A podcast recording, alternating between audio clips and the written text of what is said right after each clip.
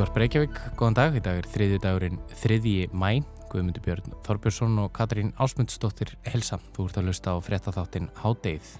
Tæpar tíu vikur eru frá því stjórnvöldi Moskvu réðust inn í nágrannaríki sitt í vestri, Úkrænu. Á þeim tíma hafa 5,5 miljónir úkrænumanna flúi land og hefur stríðið valdið mestu flótamannakrísu í Evrópu á 21. öld. Jón Ólafsson, prófessor við Háskóla Íslands og sérfræðingur í málefnum Rúslands, ræði við okkur um framgang átakana í síðari hluta þáttarins.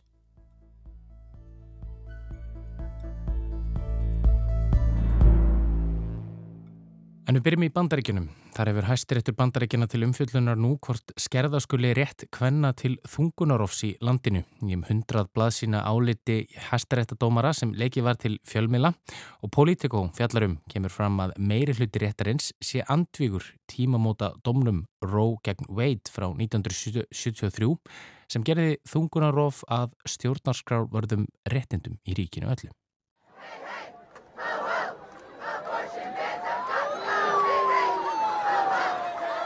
Fljótlega eftir að gögnin úr þessum nær fordæma lausa leka úr hæstarétti bandaríkjana voru byrt í gær var bygging hæstaréttar í Washingtonborg girt af og brátt söpnuðist þar saman nokkur hundru manns í mótmælum sem stóðu fram eftir öllu. Annar hópur mótmælenda, mun fjölmennari og háværari, kallaði eftir því að réttindi hvenna erðu virt og hrópaði þungunarofir heilbreyðistjónusta við ætlum ekki aftur til fortíðar Á meðan hinn hópurinn rópaði ró gegn veit verður að víkja, mun víkja.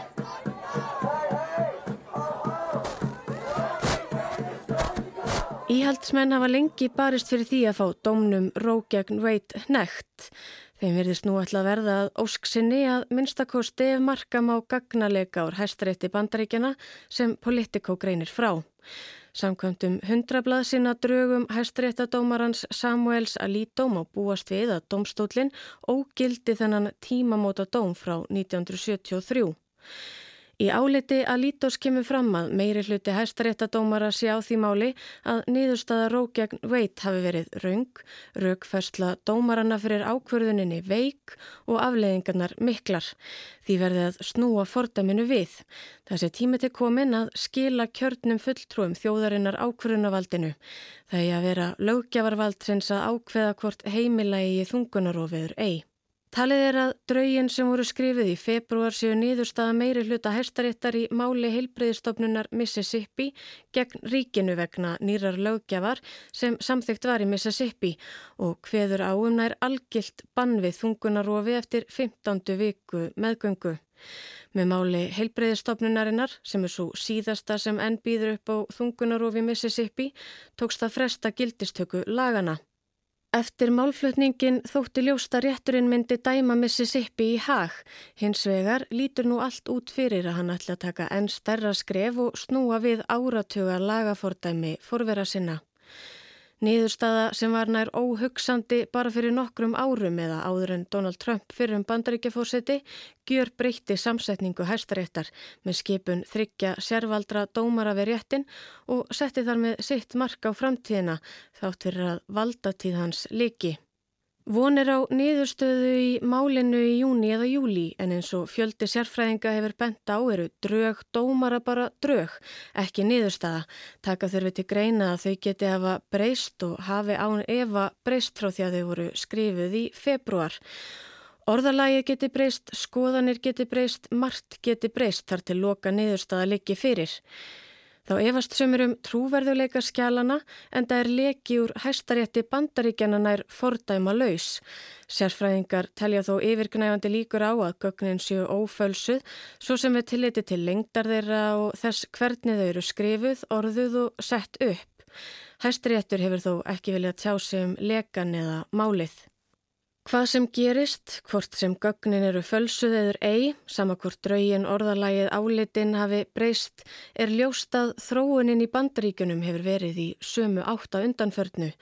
Fjöldi ríkja bandaríkjana hefur stundað ímiskonar tilraunir og tæknilega fimmleika til að sneiða hjá eða þrengja verulega þessum réttindum hvenna. Eins og staðan er í dag í bandaríkjunum er ríkjum óheimilt að banna þungunarof með öllu og þannig hefur það verið frá því í janúar 1973 þegar hestiréttur eða 7 af 9 dómurum réttarins staðfesti að rétturinn til þungunarofs væri varin í 14. grein stjórnarskrá landsinsum fríðhelgi engalífs. Rétturinn let ríkjum þannig eftir frekari lagasetningu í þessum efnum, hvort þrengja eitt að réttinum takmarka fóstureyðingar við ákveðin tíma meðgöngu og þarfram eftir gödunum, en ekki mátti skerða þessi stjórnarskrárvörðu réttindi með öllu. Þarna örðu vatnaskil sem hafa verið virt síðan, eða svona að mestu. Texas tók af skarið í fyrra með svo kallari hjartsláta lagasetningu, lögum sem banna þungunar of eftir að greina má hjartslátt hjá fóstri. Það gerist yfirleitt í kringum sjöttu viku meðgöngu áður en margar konur átta sig á því að þær séu barnshafandi. Laugin þykja jafn gilda algjöru banni við þungunarofi og því hefur staðið styr um þau allar götur síðan þau flugu í gegnum ríkisting Texas. Reynt hefur að þessi lög fyrir domstólum ríkisins áfríunar domstóli og loks hæstarétti sem heimilaði gildistöku þeirra. Þá greip allríkistjórn Jós Bæten bandaríkjafósetta í taumana og hefðaði mál gegn ríkinu fyrir hæstarétti til að fá lögunum nekt. Hæstaréttur hafnaði kröfunni og vísaði málinu frá. Lögin eru því gildi í Texas og afleðingarnar eru skýrar. Þótt Texas hafi verið í fararbróti með því að setja lögum þungunarof sem þá voru þau ströngustu í bandaríkjunum er fjöldi annara ríkja ekki langt á eftir. Í mörgum þeirra hafað undanförnu verið sett lög sem með ymsum hætti miða því að gera konum erfiðara fyrir að rjúfa meðgöngu. Má þar nefna Idaho, Suður Karolínu, Flórida og Mississippi og þá má ekki gleima Kentucky og Oklahoma sem nýlega samþyktu enn strángari lög en Texas. Fæstar hafa þó þessar nýju lagasetningar tekið gildi vegna málaferla. Í ljósi þróunarinnar er hins vegar talið að snúi hæstiréttur landsins ró gegn veit við verði þungunarof bannaði um helmingi bandaríkjan enn skams. Með ógildingu dómsins færist löggefarvaldi í þessum efnum með öllu til hvers ríkis fyrir sig og þeim er þá frjálst að banna eða heimila þungunarof að vild. Reynsluheimur bandarískra kvenna gæti því umturnast á næstu mánuðum og árum. Lífið þeirra heilsu og hamingju verið stemt í hættu eftir því sem valdhafar vega að frelsi þeirra. Valdhafar sem oftar en ekki þekkja lítið og stundum ekkert til reynsluheims þeirra sem réttinga, skerðingar þeirra og gjörðir bytna á en telja sig engu að síður vita betur.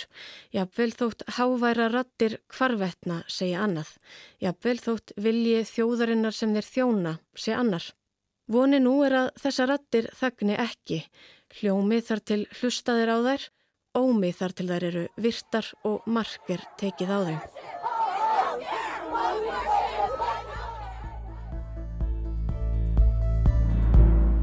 Tæpar tíu vikur eru frá því stjórnvöldi Moskvu reyðast inn í nágrannaríki sitt í vestri Úkrænu. Á þeim tíma hafa 5,5 miljónir úkrænumanna flúi land og hefur stríðið valdið mestu flottamanna krísu í Evrópu á 2001. öld. Fjóruðungur íbúa Úkræni hefur rakist frá heimilum sínum Engin leiðir þó að vita nákvæmlega hver margir hafi týnt lífi. Stjórnvöldi Úkrænu áallega á bylinu 10-25.000 almenni borgarar hafi verið drefnir af Rúslandser á meðan saminuð þjóðurnar telja þá tölu öllu minni. Þá er talað yfir 3.000 úkrænskir hermenn hafi látið lífið átökunum og tæplega 20.000 rúsneskir. Síðustu dag og vikur hafa átökin langt frá því hjaðnað og sífælt fleiri fregnir berast af voðverkum rúsnarskra hersöta í Úkrænu en er yfir 200 almennir borgarar fastir í gríðar, gríðarstóru Asofstal stálvesmiði í Mariupól en um 100 manns voru flutt þaðan á sunnudag og þá er enn talið að um 100.000 manns séu inni í borginni sem áður taldi tæpa halva miljón íbúa en er nú rústir einar. Og Emmanuel Macron sem endur nýjað umbóð sitt sem Fraklands fórseti nýverið mun ræðað með Vladimir Putin í gegnum síma í dag en leðtóðin hafa ekki rætt saman síðan í lok mars en í aðdraðanda einrásunar áttu þeir þó í miklum samskiptum. Hingaði komin Jón Ólafsson, profesor við Háskóla Íslands og sérfræðingur í málöfnum Rúslands til að ræða nýjustu vendingar í stríðinu. Velkomi Jón. Takk.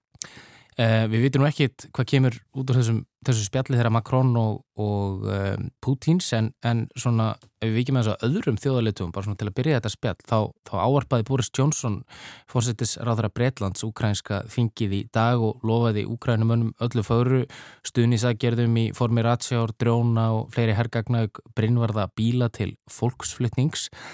En hann saði einnig að það hefði verið mistök að hjálpa úkrænumönnum ekki þegar rússar innlimuðu krímskaður í 2014 og átökin hófu í Donbass, eh, hófust í, í Donbass. Hvernig horfir þetta svona við Vesturlöndum nú, þessi ákvörðuna í rauninni bara leifa rússum að, að valsa hann inn og, og innlima stóran hlutu úkrænu?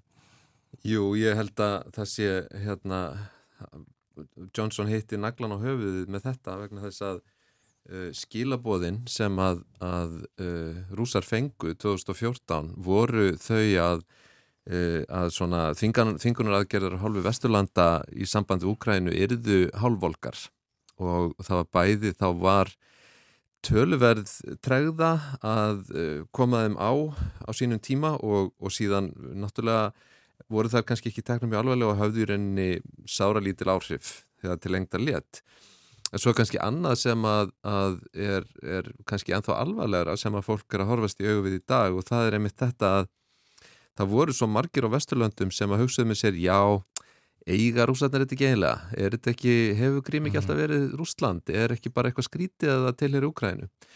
Og, og þetta er náttúrulega fyrsta lagi tvent í þessu, annars vegar eh, er þetta þarna verið að líta fram hjá bara alþjóðasamningum sem að rússar hafði aldrei gert nokkur, eh, nokkur að minnstu aðtöðasendu við og algjörlega samþygt frá því að Sovjetríkinn liðum til lok. En líka verið það í rauninni taka undir rúsneskan áróður sem að gekk alltaf einmitt út á þetta og, og, og, og bjóð til einhverja sögulega hugmyndum rústnest egnarhaldi yfir þessu landsvæði sem var ekki úkrænst meðan að augljóslega þá var Úkræna jafn mikið hluti af rúsneska keisaraveldinu og Rúsland var. Og það er ekkit sem að segja að, að það sem að rúsneski keisarin laði undir sig á sínum tíma sé eitthvað minna eign, eign Úkrænu höldin Rúslands þannig að þessi rauksemt hún var út í hött en en ótrúlega margir vestantil tóku einhvern veginn undir þetta og rúsum tókst að mörgu leiti að búa til þessa hugmynd að, að það væri ósköp eðlilegt að þeir ættu krím og, og ég held að þetta hafði einhverju leiti orðið til þess líka að uh, það var uh, menn hafði ekki svo miklar áhyggjur af viðbröðum Vesturlanda til að byrja með rúsarnir heldu að þeir gætu kert þetta án þess að fá allan heiminn, all Vesturland upp á móti sér. Já, talar um innrjóðsynir núna, núna, út af viðbrúðunum síðast. En, en taland um það, hafa rússar, já, hvernig hafa þeir brúðist við til dæmis þessu viðskistað þingunum með Vesturlandana sem eru þá eintalega öllu meira en þeir byggust við? Já, já, það er náttúrulega engin sko, það er ekki engin hérna... Að þeir eru að reynda að svara í sömu myndi. Já, já. Það, það er engin, það er enga Uh, enga lingu að finna í svona uh, mælskulistinni í Moskvuk og þetta var þar og, og það er, er þrent sem að þrennar svona ráðstafanir sem að hefur verið gripið til um, og kynntar sko, það er í fyrsta lagi að þá var voru settar, það, það, það byrjaði að tala um hópríkja sem að kallaður hinn óvinnveittur ríki og það eru þá bara öll lönd sem að taka þátt í einhvers konar viðskipta þingunum og, og það var strax í mars, eh, eða hvort það var í april að þá settur rúsar ákveðin ákveðinar hömlur á til dæmis vegabrisáritanir til fólks frá þessum löndum. Og svo núna daginn að þá var verið að tala mikið um, um bannlista þar sem að einstaklingar sem að eru ónemdir uh, hafa verið settir á sem að eru þá, eru þá sérstaklega svona non-grata eins og maður segir og fá ekki að koma til Úslands og svo í morgun að þá uh, undirritaði Putin nýja tilskipun sem að segir að, að ríkisfyrirtækjum og í rauninni öllum fyrirtækjum í Úslandi sé óheimilt að skuldbinda sig á nokkurn hátt eða, eða selja uh, hérna, aðilum frá þessum ofinvetturíkjum eitthvað sem að, að þeir geta hagnast á. Þannig að, að þetta eru svona almennt orðað og þá útfæra þetta á einhvern tíma en þarna eru sem sagt rúsar að setja alveg samskonar mót aðgerðir eh, við efnaðarstfingunum Vesturlanda eins og árið 2014 en núna er bara skalin orðin miklu meiri, miklu starri. Mm -hmm. Og þetta getur náttúrulega komið sér mjög illa fyrir einhver fyrirtæki sem reyða sig þá nær engung og einhvers konar ráefni til dæmis frá Rúslandi. Já, gerir það fyrir því og, og þetta getur haft talsverð áhrif skilstmanni á bara heimsviðskipti með ímsa mikilvæga uh, sérstaklega ráefni einmitt. einmitt. Eh, en hvernig svona standa þessi átök núna, er, er, er að þínum að það færast aukin harka í þau, breytar og úkrænumenn, þeir já, hafa nú sagt að, sögðu núna í dag að, að, að rúsneski herin standi veikar en hann gerði áður en að reyðast inn í, í Úkrænu, er, er þetta rétt? Já, sko, það er auðvitað, uh, hérna, mótstaða Úkrænu hefur náttúrulega, og árangur Úkrænu til þessa hefur náttúrulega haft alveg gríðarlega áhrif og, og hérna meina þetta er annað heldur en rúsa byggustu þetta er líka annað en það sem vestrænir hernaðarsérfræðingar gerður áð fyrir og svona realistar í, í alþjóðastjórnmálum. Ógrænmönnum uh, tókst með, með léttvopnum að, að sko standa gegn þessari uh, landtöku og, og skriðdrega hernaði uh, rúsa, þeim tókst að eidilegja fyrir þeim alveg gríðalegt magn af, af af tækjum og, og hérna, sérstaklega þá svona bílum og skotpöllum og skriðdrökum og öðru slíku. Um, en eh, rúsar eh, náttúrulega á endanum þá, þá þurfallir að takast á við raunveruleikan þannig að, að rúsar þurft að takast á við sína ránkumundir og, og hafa náttúrulega gert það núna. Þeir drógu herin allan út frá norður héröðunum og eru núna einbeta sér að austur héröðunum og með kannski langtíma markmið að ná öllum söður hlutu á Ukrænu og komast upp til Moldavíu jafnvel. Og því miður þá held ég að sé ekki annað hægt að segja heldur en að það er allt annar leikur. Og, og núna þurfa Ukrænumenn miklu meira á þungavopnum að halda, þeir þurfa, það þarf miklu meira til að svara hernaði rúsa í dag það er miklu floknara líka allar, sko, allar byrðaflutningar, uh, vopnaflutningar Úkrænu til söðurlita landsins eru miklu floknari og erfiðari heldur en fyrir rúsa sem að geta, sko, sem eru með bara hérna sína eigin landamæri rétt fyrir aftansi og geta sko eiga miklu auðveldara með að, með að flytja mannabla og, og tæki.